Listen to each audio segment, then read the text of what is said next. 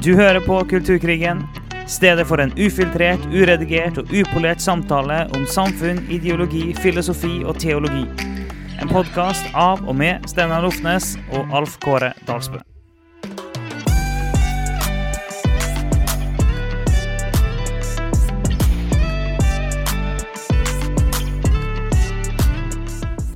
Vi får bare prøve. Og eh, vi får spole tilbake. Ja. Vi har som vanlig uh, sittet og snakket om noe annet enn uh, Eller vi hadde jo egentlig ikke kommet til hva vi skulle snakke om, vi bare begynte å snakke om noe. Ja. Og hadde uh, minst én podkastepisode bare for oss sjøl. Og det, vi må, vi må begynne. Bare trykke opptak når vi begynner å snakke. For nå, Yep. nå, nå hadde vi en eh, hel episode, vi. Det er ikke alt er relevant for det vi, det vi skal snakke om, da, men likevel. Vi, vi, vi kunne nesten bare ha lagt ut den, det vi snakker om. Ja, så det var, men det var vår episode, med min og din private. Vi har jo en del av de. Og um, den fikk ikke dere med dere, dessverre. Men velkommen til Kulturkrigen. Nå skal vi prøve å recappe noe av de tingene vi har snakket om. For det var veldig spennende. Tok litt tak. Ja, det tok litt tak, så Vi bestemte oss egentlig bare for at eh, nå stopper vi å snakke, og nå bare starter vi opptaket. Så må vi spole litt tilbake, og så begynner vi på igjen. Så hva skal vi, hva skal vi kalle det, da, det vi skal snakke om? Nei, men Vi kan jo ta utgangspunkt eh, i den boken som du har lest Ja. og forklart litt om. For det, det her har jo kommet ut Vi, vi begynte å snakke fordi um, Nå For noen dager siden så ble jeg ferdig med en bok som heter The Righteous Mind, av um, en fyr som heter Jonathan Haidt. En uh, moralpsykolog, er det vel det han kaller seg sjøl. Um, som var utrolig interessant når det gjaldt hva er det hva er det som gjør at vi mennesker mener at ting er rett og galt? Hvor, hvor henter vi må, vårt uh, moralske kompass, vårt uh, moralske univers ifra. Og ja, ja da, Vi som kristne vi henter fra Bibelen og Gud, for så vidt. Det gjør vi jo, men eh, mens eh, poenget her var jo ikke på en måte, hva er moral, men hva, hva slags fundament henter vi det fra. Og så går han gjennom en del ting der da, som var veldig interessant.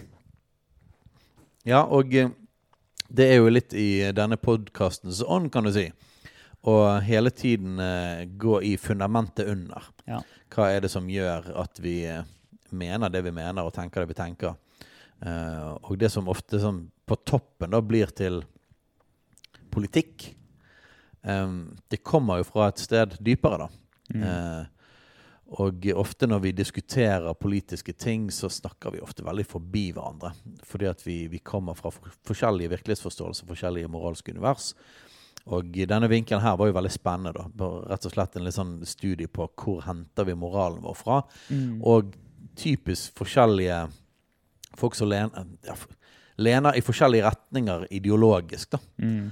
Hvor er det man henter Hva er liksom bunnen under der? Hva er det som gjør det at man tenker det man tenker? Og eh, det var en ting som var litt usikker på om vi skulle si, men jeg, jeg sier det likevel, for vi liker jo eh, Vi må jo ha litt sånn Eh, Men vi pratet jo litt om det at eh, det er noe rart som har skjedd med oss, og vi har òg Sett det hos andre. vi har sett det hos andre som har vært litt aktive ute i kulturkrigen. da. Mm. At det har skjedd en interessant utvikling. Noen eh, ville jo bare tenke det at dette bekrefter jo det at vi har en sånn radikalisering eh, Ja. foregående her. Men vi vil si at dette er veldig naturlig, og et naturlig resultat av å gå dypere i fundamentet av hva vi tror på. Mm. Og hvorfor vi mener hva vi mener. Men det som eh, vi har oppdaget, er at vi har blitt mer konservative Mm. faktisk i de par årene vi har gått inn i disse tingene. Og, Ja. og det er jo litt interessant hvorfor det, og hva er mekanismene bak det. Og, um, og vi registrerer det på en del andre folk òg. Og, og mange av oss har jo tatt tak i disse her kulturkrigtingene fordi at det er blitt så offensivt og så drøyt. Vi har på en måte reagert på en del ting som skjer i samfunnet. Um, og så prøver vi å finne ut av hva er det som ligger under her. Hva er de ideologiske, filosofiske strømningene som ligger under de tingene som skjer i samfunnet? Og, og hvordan skal vi møte det? Og det har tvunget oss til å gå dypere ned i vårt eget fundament. Hvorfor tror Mm. vi det? Hvor tror vi egentlig på det vi tror på? Og resultatet er at vi er blitt mer klassiske og mer konservative, faktisk. Ja, på, på, mange, på mange måter vi har vi blitt sånn erkekonservative på visse ting. For at, eh, vi, er- Det vil folk som har hørt på oss, uh, ha merka, men vi kommer hele tida tilbake til eh, skaperordning. Mm. Skapelsen. Altså, de, de ordningene som Gud har innsatt i universet, i verden, i familien. Uh, og, og, vi, og vi har blitt helt sånn hellig overbevist om, om uh, familiens uh, viktighet, kan du si. Ja. Ikke at vi ikke trodde før, det har bare blitt enda tydeligere for oss. Enda kraftigere. Og, enda, ja. og, og det er akkurat som at vi ser ting mye mer gjennom de brillene, da. Eh, og går kanskje raskere sjøl til fundamentet Ja. eh, inn i forskjellige typer spørsmål. Og, og sånn eh, det, finnes, det finnes ulike definisjoner på konservativ, men en, en en deldefinisjon handler om å, be å bevare ting. Ja. Det er jo en deldefinisjon av det. det. Å være konservativ handler om mer enn det, men det er en del av det å bevare det som er rett, sant og godt. Og i møte med ting som skjer i samfunnet vårt i dag, så er jo vi hyperkonservative, kan du si, på visse ting.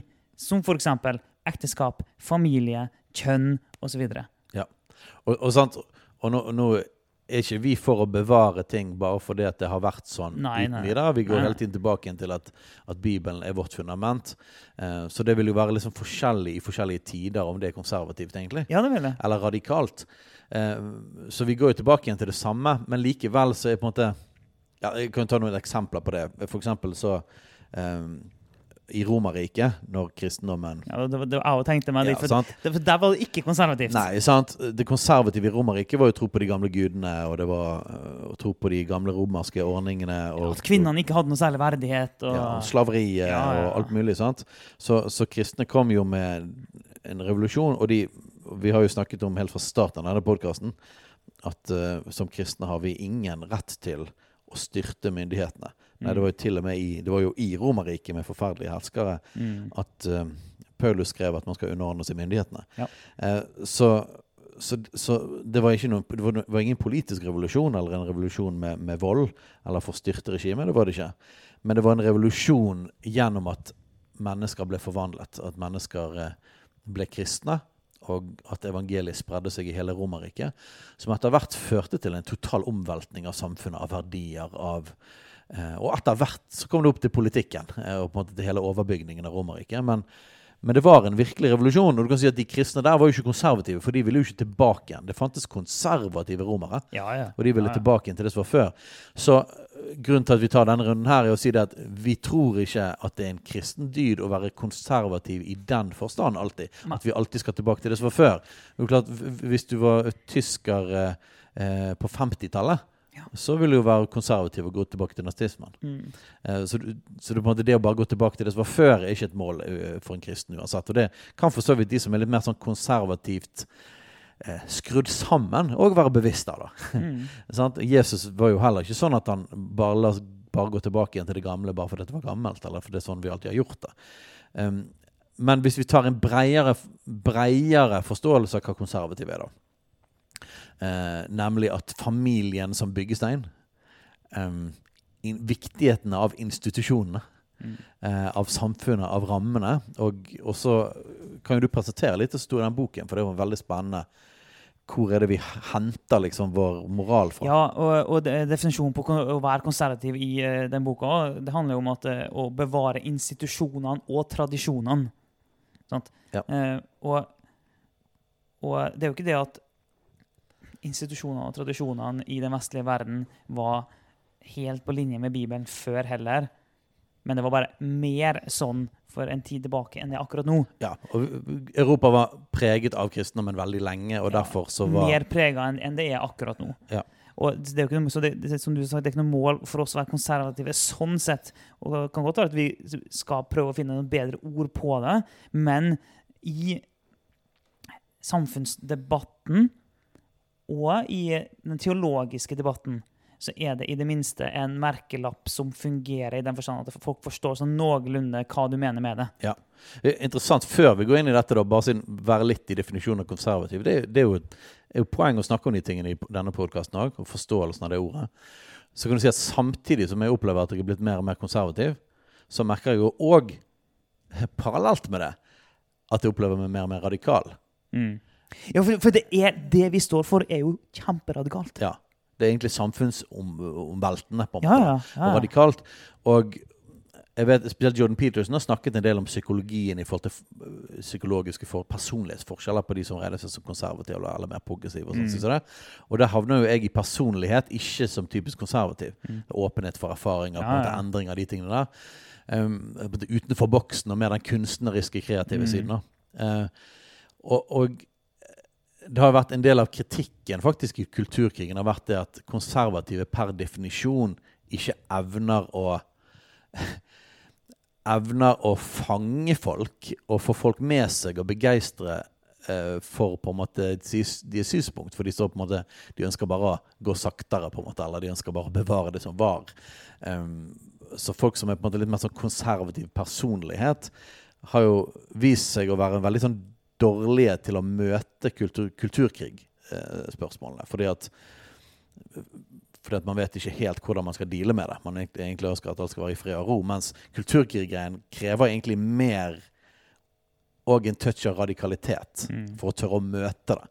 Eh, og tørre å gå dypere og begynne å tenke ut for boksen. Og for oss har det jo begynt, har det betydd at boksen av det som vi har lært i vår kultur, det som ble tatt for gitt i vår kultur, vi trenger å tenke utenfor den, og vi trenger å grave oss dypere ned. Og som kristne så betyr det at vi graver oss dypere ned i vårt fundament. Mm. Så det er en måte eh, Bare for å snakke rundt disse ordene konservativ og radikal og de tingene der. I, i denne tiden så kreves det på en måte både en dypere konservatisme av kristne, men òg en større radikalitet. Um, en, en villighet til å være motkulturell. Og faktisk ikke bare la alt være som det alltid har vært, eller har vært lenge i vår kultur. Da.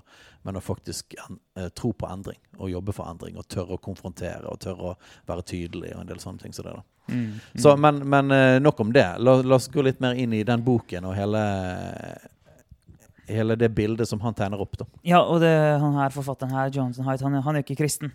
Og han var, I utgangspunktet var han jo en liberal, eh, liberaler sjøl, og, og liberaler i den, i den, amerikanske konteksten, det må jo understrekes. Ja. Um, selv, men han har blitt mer konservativ, helt tydelig og klart.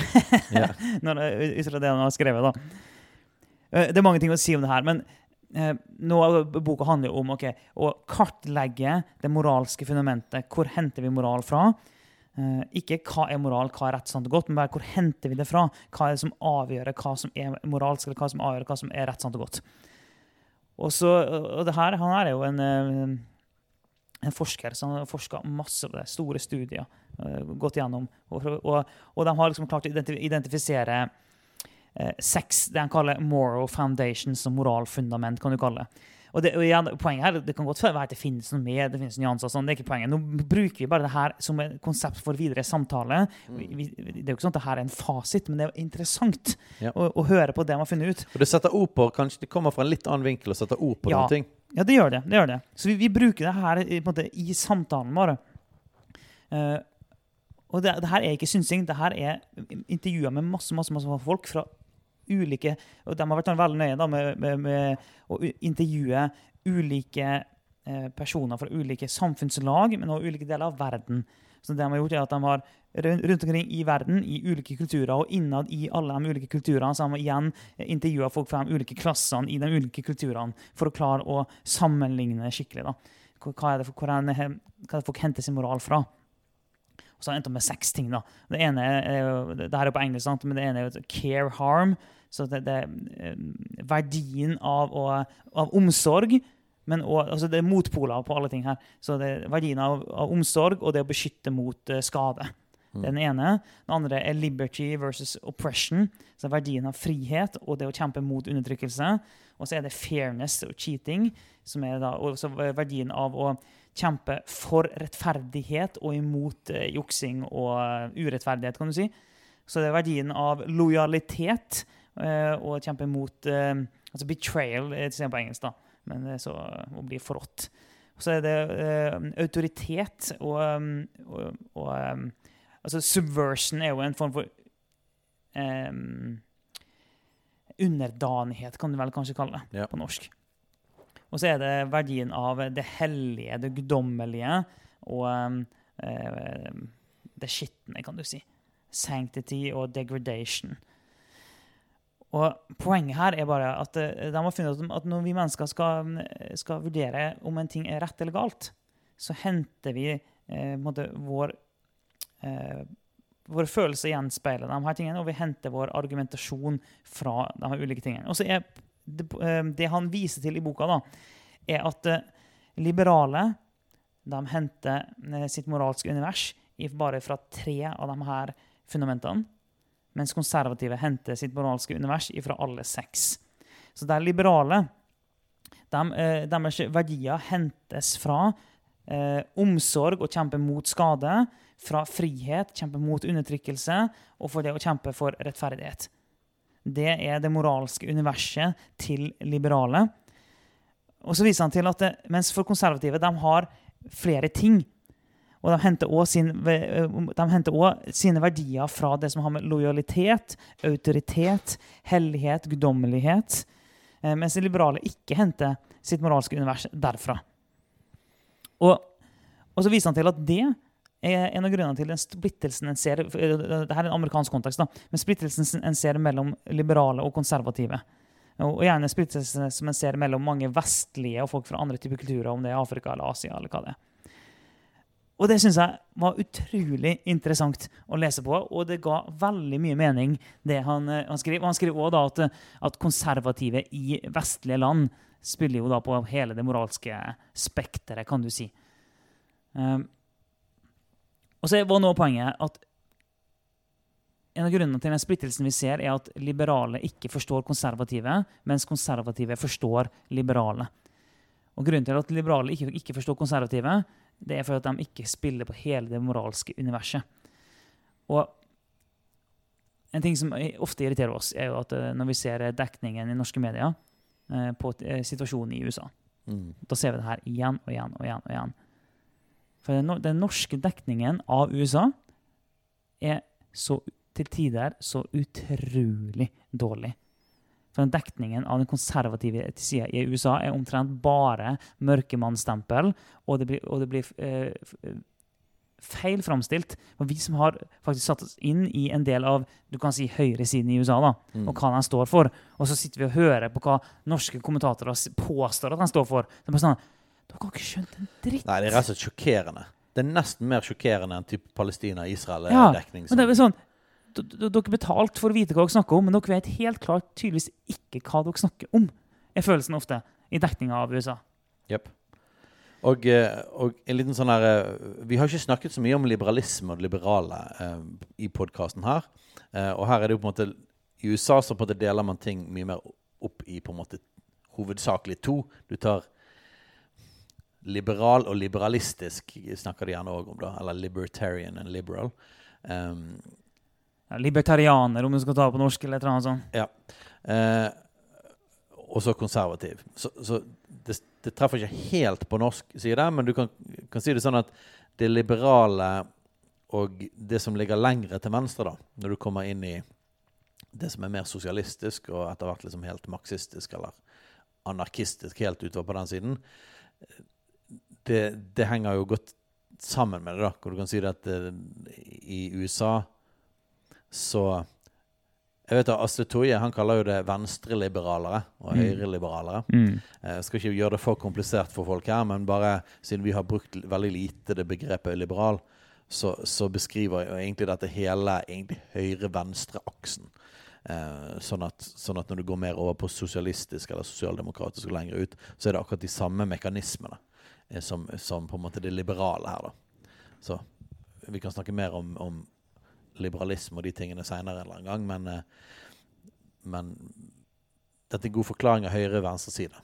Ja, og eh, Jonathan Haidt og sine folk da, de, de, har gjort undersøkelser på det her med De har tatt eh, folk som er liberale, og bedt dem om å svare på mange spørsmål. Eh, og bedt dem om å svare det de sjøl mener så skal han svare det, det de tror konservative mener, så skal han svare det han tror liberale mener. Og så har han tatt en stor gruppe konservative og gjort det samme. Svar det du mener, svar det du tror konservative mener, og svar det du tror liberale mener. Og det som er sånn, et helt sånn entydig resultat av de undersøkelsene, det er at eh, liberale de konsekvent misforstår eh, konservative. For de, de klarer ikke å forstå det moralske universet. Mens konservative konsekvent treffer ganske bra på hva de liberale mener.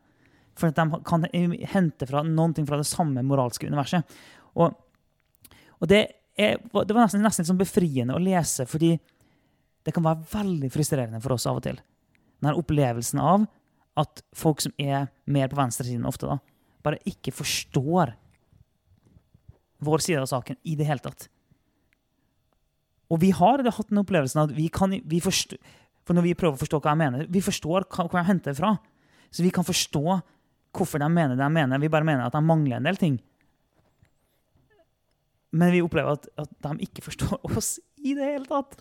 Nei, og det blir veldig raskt hitlet, da. Ja, det blir det. Sånn at, sånn at måtte, alle argumenter for noen som helst form for eh, begrensning, f.eks., Mm. på eh, moral, Mm. altså begrensning på seksualitet, eller begrensning på alle sånne type ting, så på en måte blir det tatt med en gang over i på en måte at det er liksom fascistisk, på en måte, Mm. eller autoritært, eller undertrykkende, på en eller annen måte. Eh, og det oppleves som en Ja, det er virkelig sånn en god dag med en økseskaft en del ganger. da. Eh, At man virkelig ikke treffer i, i kommunikasjonen. Eh, og dette her synes jeg var en utrolig god måte å skape en bilde, eller en, en, eh, forklare litt mer hvordan måte, virkelighetsforståelsen vår er bygget opp, og hvor vi tar rett og slett rett og galt fra. Uh, Ja, for når, når vi, når vi, når vi uh, mener at det, det finnes noen positive sider ved autoritet, eller ved det som er hellig, f.eks., og at det setter rammer for oss, og setter rammer for hva som er rett og galt Når vi mener at det finnes noen ting der, og så argumenterer vi ut fra det Og det gjør vi jo når- vi argumenterer for Gud er sånn, Jesus er herre. Altså, Gud er den som har satt rammene, og det er autoritet. Men det, og det, og det, og det hellige, det guddommelige. Sånn. Det setter rammer. Men hvis en ikke henter sin moral ifra det i det hele tatt, men ikke har forståelse for det i det hele tatt, så vil en bare høre undertrykkelse. mm. Det er det en vil høre. Ja. Og når vi hører bare undertrykkelse med en gang det er noe autoritet. autoritet. Men en har ikke eh, en forståelse av den positive siden ved autoritet. Og da blir det en krasj med en gang.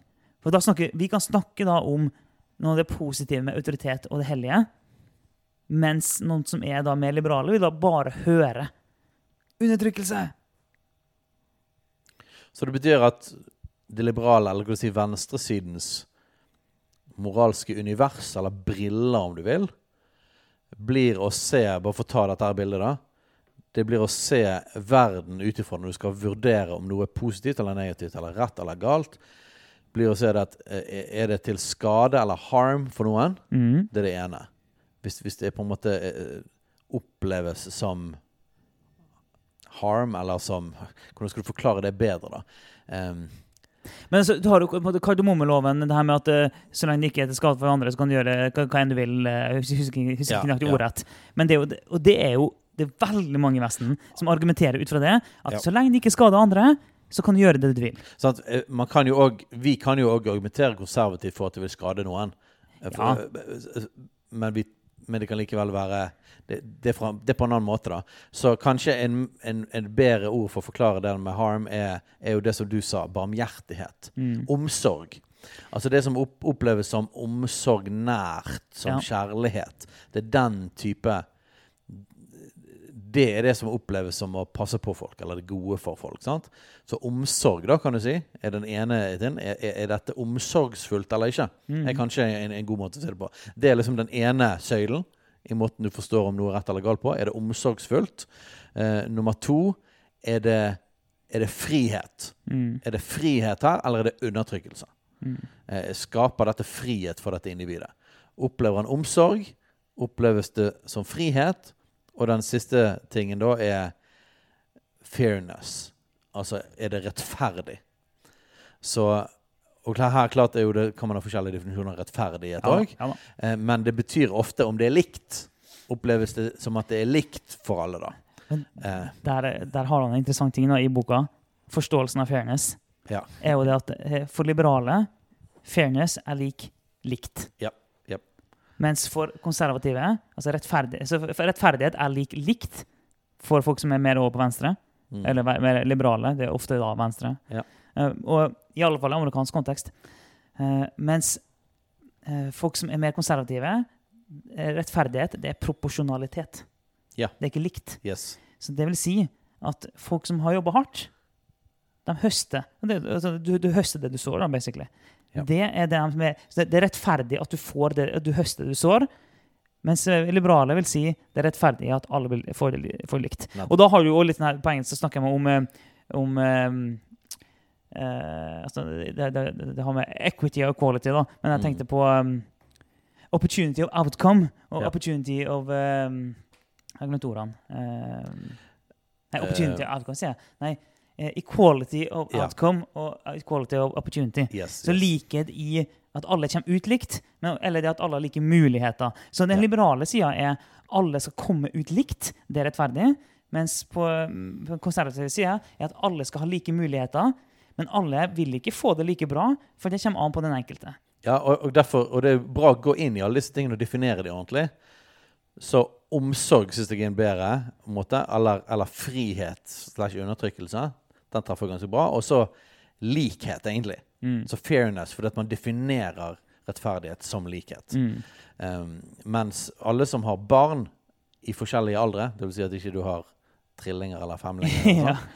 har jo opplevd problemstillinger rundt dette her. Ja. Vi sitter akkurat nå med noen uh, utfordringer rundt ukelønn, arbeid, hva forskjellige folk skal få og sånn ja. i forskjellige aldre. Og da er det to klassiske måter å oppleve rettferdighet på. er At det skal være likt mellom oss søsken nå. Mm. Det vil si, vi får det samme og skal yte det samme nå. Mm. Problemet er at den eldste i søskenflokken vil jo si hvis alle får likt nå, så er det jo urettferdig. Ja. Fordi at når jeg var på din alder, fikk jeg ingenting. Nei. Så Ja. dette er jo kjempeurettferdig. Ja. Du får jo noe som ikke jeg fikk i din alder. Og så vet alle familier det at det er fullstendig umulig å få det regnestykket til å gå helt opp. Ja. Um, og så har du den greia med at foreldre ofte uh, ofte har mer frihet, krefter og økonomi når barna er blitt eldre. Det vil si at det yngste barnet Får mer. får mer. Sant? Og det er masse interessante mekanismer inni der. Men hele definisjonen av hva er rettferdig, da. Og dette kan du veldig ta ut på makronivå og samfunnsnivå. Eh, så hva som er rettferdig, er ikke noe som vi snakker om. Ja, rettferdighet! Så det er sånn Ja, det er ikke sikkert at vi definerer rettferdighet på samme måten. Men mens venstresiden eller det liberale eller også det sosialistiske vil definere rettferdighet som likhet. Mm. Så alt skal være likt i resultat. Mm. Hvis ikke så har noe vært urettferdig. Eh, og så ser man da er noe urettferdig, eller eh, er dette omsorgsfullt? Så det blir de tre søylene man ser noe ut ifra. Mm. Eh, og som man eh, definerer noe som rett eller galt er. Og det, dette kan man se inn i eh, debatten rundt seksualitet. Eh, seksuelle minoriteter. Du kan se det når det har akkurat vært et kirkemøte eh, der de har snakket om disse tingene her. Og, og, og du ser det i det som har med økonomisk politikk, og du ser det på en måte over hele linjen. Og, og på en måte hele kulturkrigsgreiene er jo veldig basert eh, rundt spesielt dette som går på urettferdighet. Eh, ofte så går jo det mer på, på, på økonomi og sånne ting som det. Men kanskje enda mer på det som går på undertrykkelse eller frihet, og dette som går på omsorg. Om det Ja. oppleves omsorgsfullt. Og da er det sånn Hvis noe eh, f.eks. er strengt, så kan det Så, så kicker den inn, da. Dette er ikke omsorgsfullt. Er lik, så er det galt. Ja. Eh, dette gir ikke like muligheter for alle. Da betyr det at det er urettferdig. Mm. Eh, dette begrenser min frihet. Da er det galt. Mm. Så, så venstresidens virkelighetsforståelse er basert på disse tre tingene. Og det, det stemmer veldig godt. Det stemmer veldig godt. Og noe det fine med det her er at det gir jo en Det, det gjør det litt enklere å navigere, for det, det, istedenfor å bare bli frustrert når alt skal bli sett gjennom de brillene der, og det er en opplevelse av at uansett hva vi prøver å si, så, så, uh, så blir det vridd på, da. Så det sånn, okay, men det, det, gir, det gir en hjelp til å uh, ikke ilegge liberale feile intensjoner. Men sånn, de, de er helhjerta i, i det de mener, men deres moralske univers Det høres utrolig sånn eh, eh, ovenfra og ned, da, men deres moralske univers er begrensa. For de, de, de spiller ikke på hele det, det moralske spekteret. Og det er på en måte så kan du si at det er ikke så rart. For grunnen til at vi spiller på det som har med lojalitet, autoritet og hellighet, er fordi vi er kristne. Ja. det er jo derfor. Ja. Og det, du kan spille på det uten å være kristen òg. Men jo da, vi tror at Gud finnes. Det, det fører til, eller per definisjon til noe hellig. Vi tror at Gud finnes. Det fører til, per definisjon til at det er en autoritet. Det, finnes et slags hierarki. Eh, Som Gud har innsatt. ja, og, og verdien av lojalitet er å binde seg til noen ting og noen andre, selv om det går ut over dine egne muligheter og din egen frihet, ja, det, det tror vi på. Det, sånn, det er kristne verdier, og det å binde seg til sin egen familie, og det å binde yep. seg til sitt eget fellesskap, og det å binde seg til Gud og være lojal. Sant? Til Alt- ekteskapet. Ja, ja, ekteskapet, ja. Alt det der. Det er sånn dype kristne verdier, derfor, og derfor er det enkelt for oss å spille på det. Og, og når du ser på denne modellen her, så, jo, så gir det jo veldig mening da, at kristne blir ofte konservative. Ja. Eh, fordi at du kan jo ikke være kristen Og nå sier jeg dette igjen, og dette er noe som har hatt problemer med helt fra starten av vår podkast. Vi sier at man kan ikke være kristen, men dette, dette mener vi. Fordi at kristendom betyr noe. Du kan ikke si at alt er kristendom.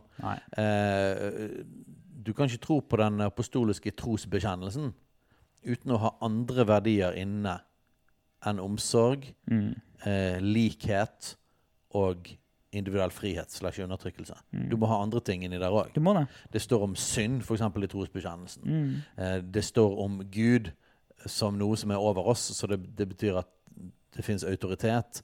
Eh, sånn, så du, du, det står til og med om de hellige samfunn, eh, som har med fellesskap å gjøre. Og da kommer man inn i det med lojalitet og sånn å gjøre. Så, så poenget mitt er å si det at og, og en kristen tro, det bringer inn andre elementer òg. Eh, og det må det gjøre. Så, og vi har jo snakket om helt fra starten av, av podkasten at dette med autoritet eh, For det er en kjerne da, i hele kulturkrigen. Ja. Eh, At, at det finnes noe som er over, at vi ikke kan styrte regimet. Mm. vi, gjør at vi avviser marxismen i episode to Ja. av kulturkrigen. Fordi at marxismen er basert på å styrte myndighetene. Eh, I tillegg til det så krasjer det med det som har med forståelsen av hva som er rett og rettferdig å gjøre. Eh, og vi, vi mener ikke at vi har rett til å, til å gjøre revolusjon eller gjøre noe galt mot noen andre hvis det oppleves urettferdig. Eh, hele, hele tankegangen vår er at vi har mange andre si, mange andre søyler å bygge vår moral på eh, enn bare de tingene der. Mm. Det betyr f.eks. at det kan være noe som oppleves ikke omsorgsfullt, men vi likevel mener er rett. Ja. Og, og fordi at f.eks.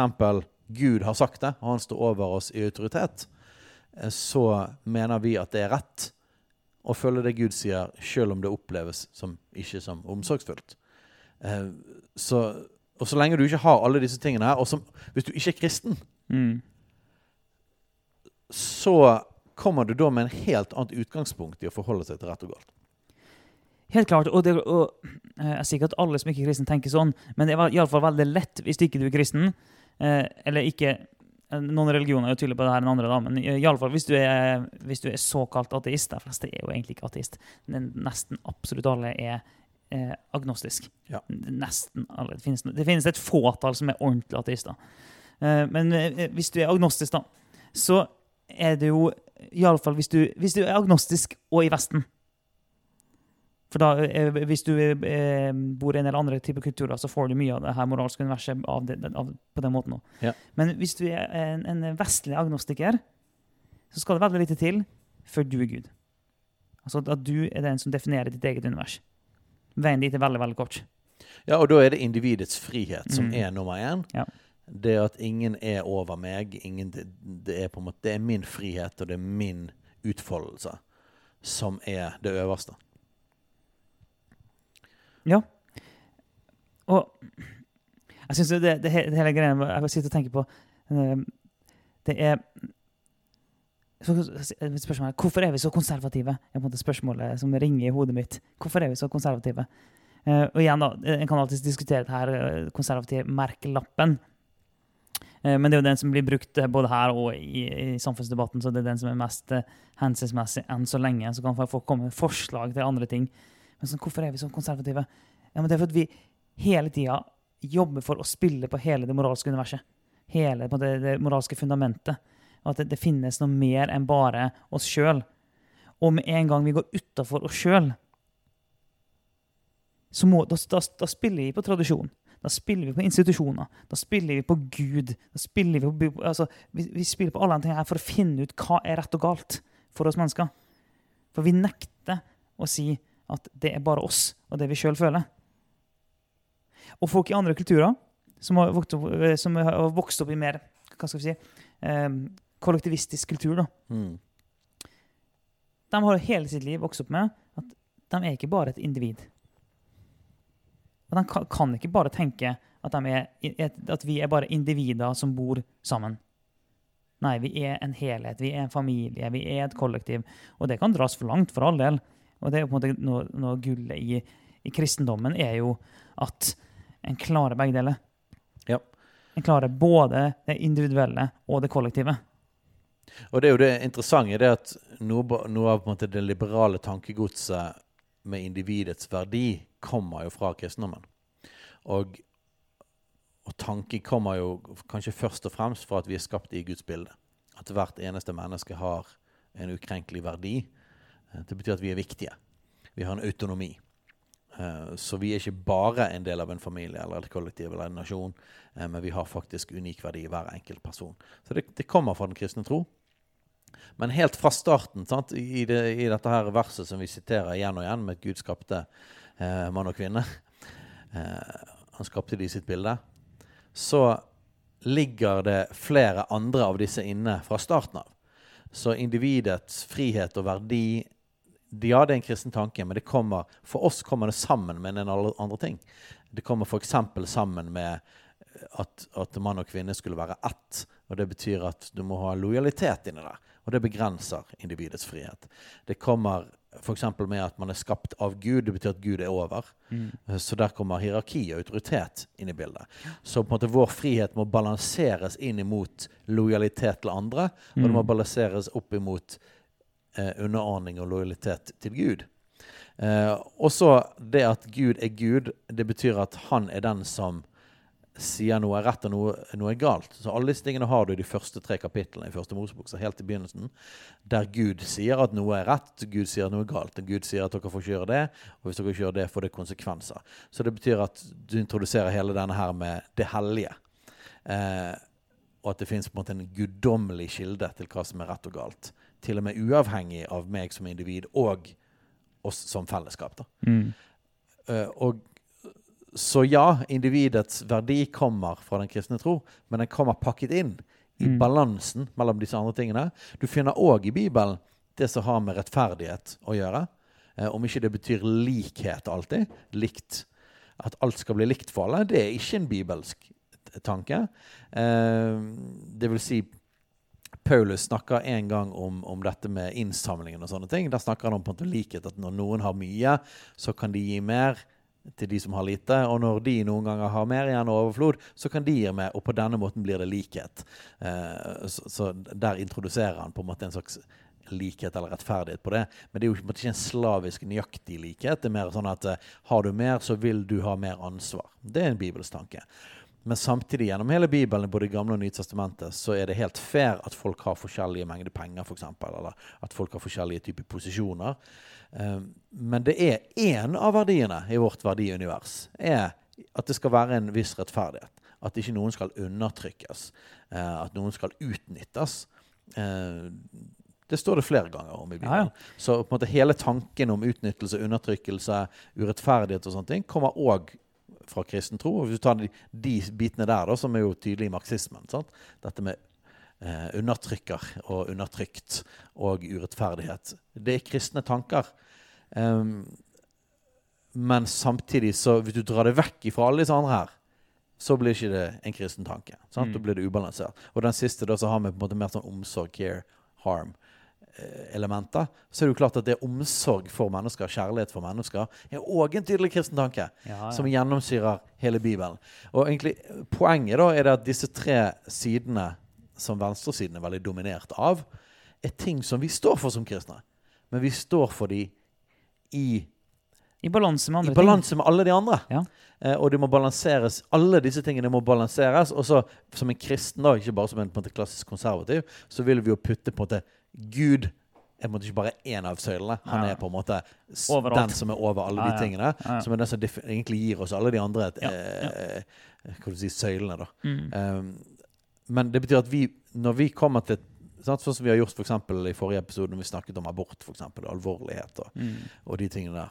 Når vi vurderer de tingene der, så spiller vi på alle disse tingene. Ja. Til og med det som har med omsorg. Ja. Hvor går grensen da i forhold til f.eks. omsorg for mor? Hvor mye Mm. kan man pushe på i forhold til? Men så har du på andre siden eh, Så har du hva Gud sier om verdien på et enkeltmenneske, på et barn.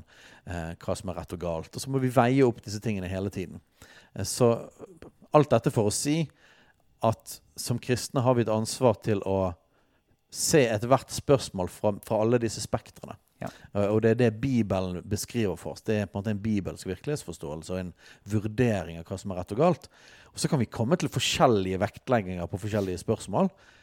De gir ikke svaret nøyaktig på alt, men det gjør at vi havner som vi sier da, et eller annet sted i midten. Ja, Eh, og det, og det, og noe av det som er så interessant med Bibelen, er at den Bibelen er så, er så radikal i sine ulike sannheter.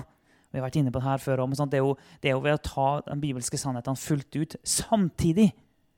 Det er da du får eh, Ja. en Bibelens fulle og hele sannhet. Ja. Men hvis du bare tar den ene omsorg fullt ut, ja, da blir det ubalanse. Ja. Og hvis du bare tar ja, autoriteter, liksom, ja, da blir det ubalanse.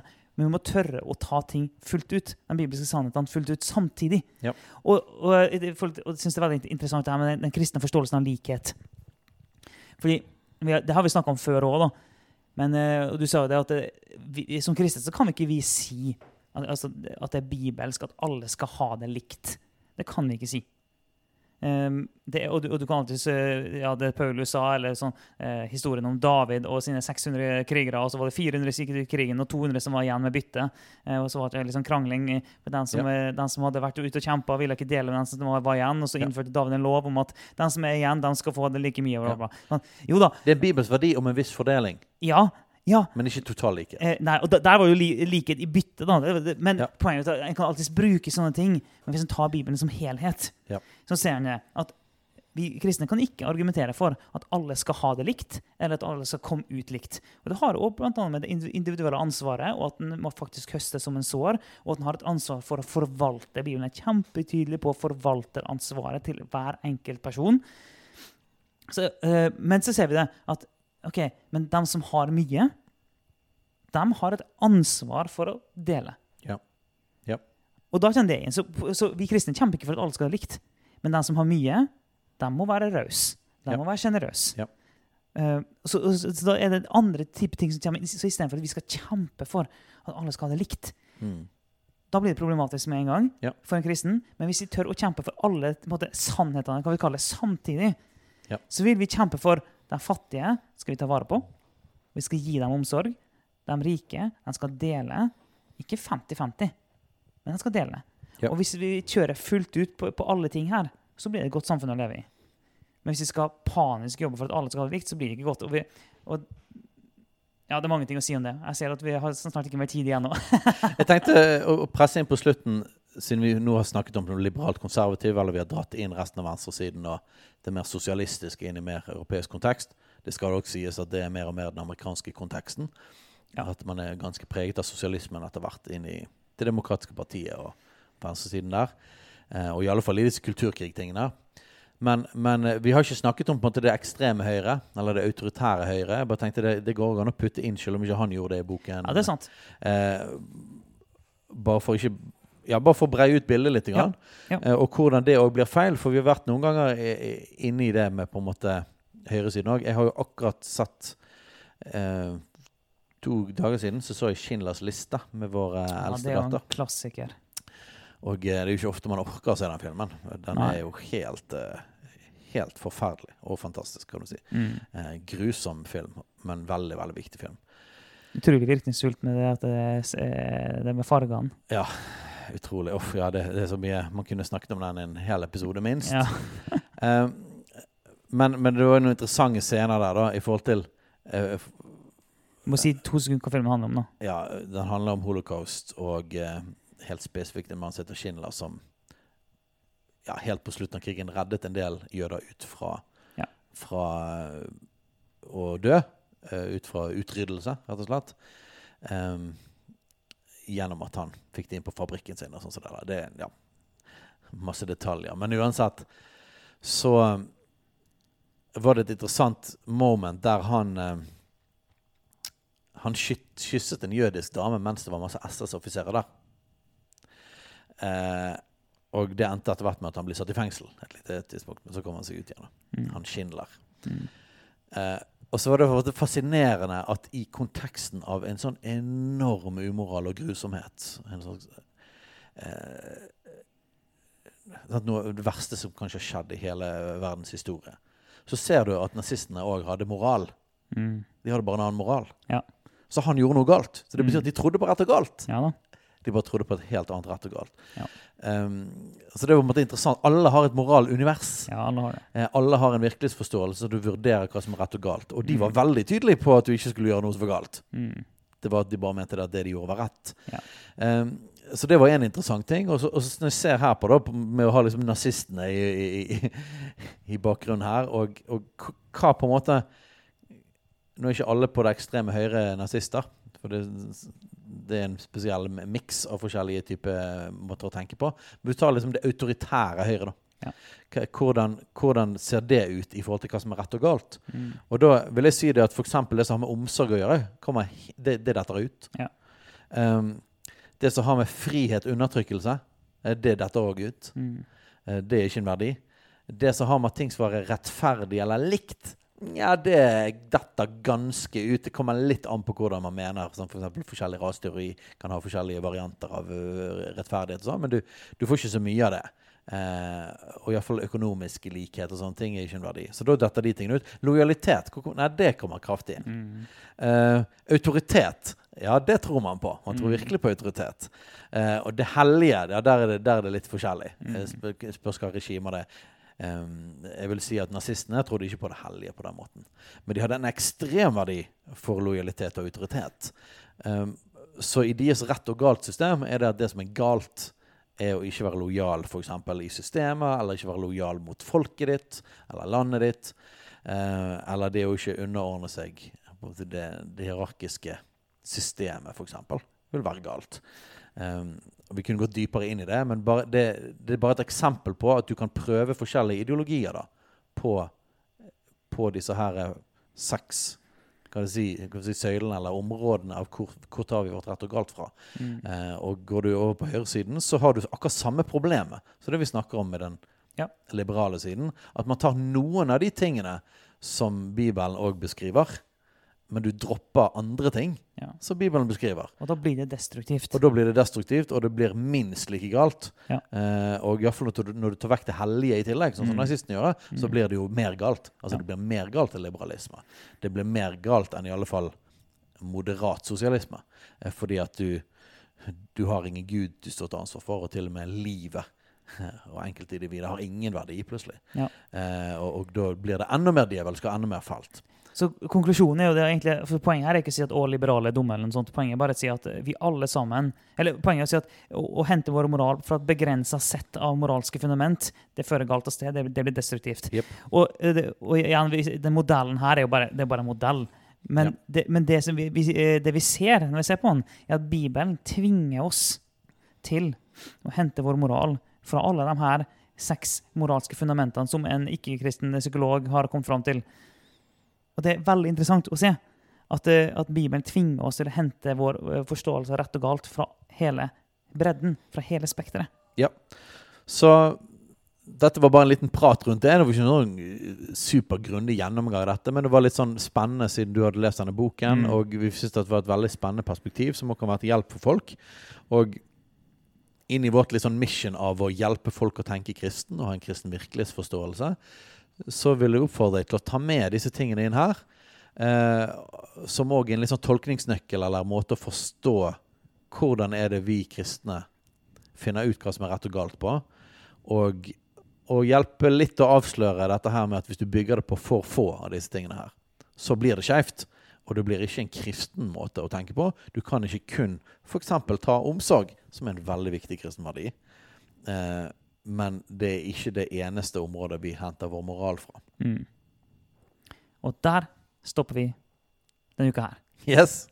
Vi snakkes!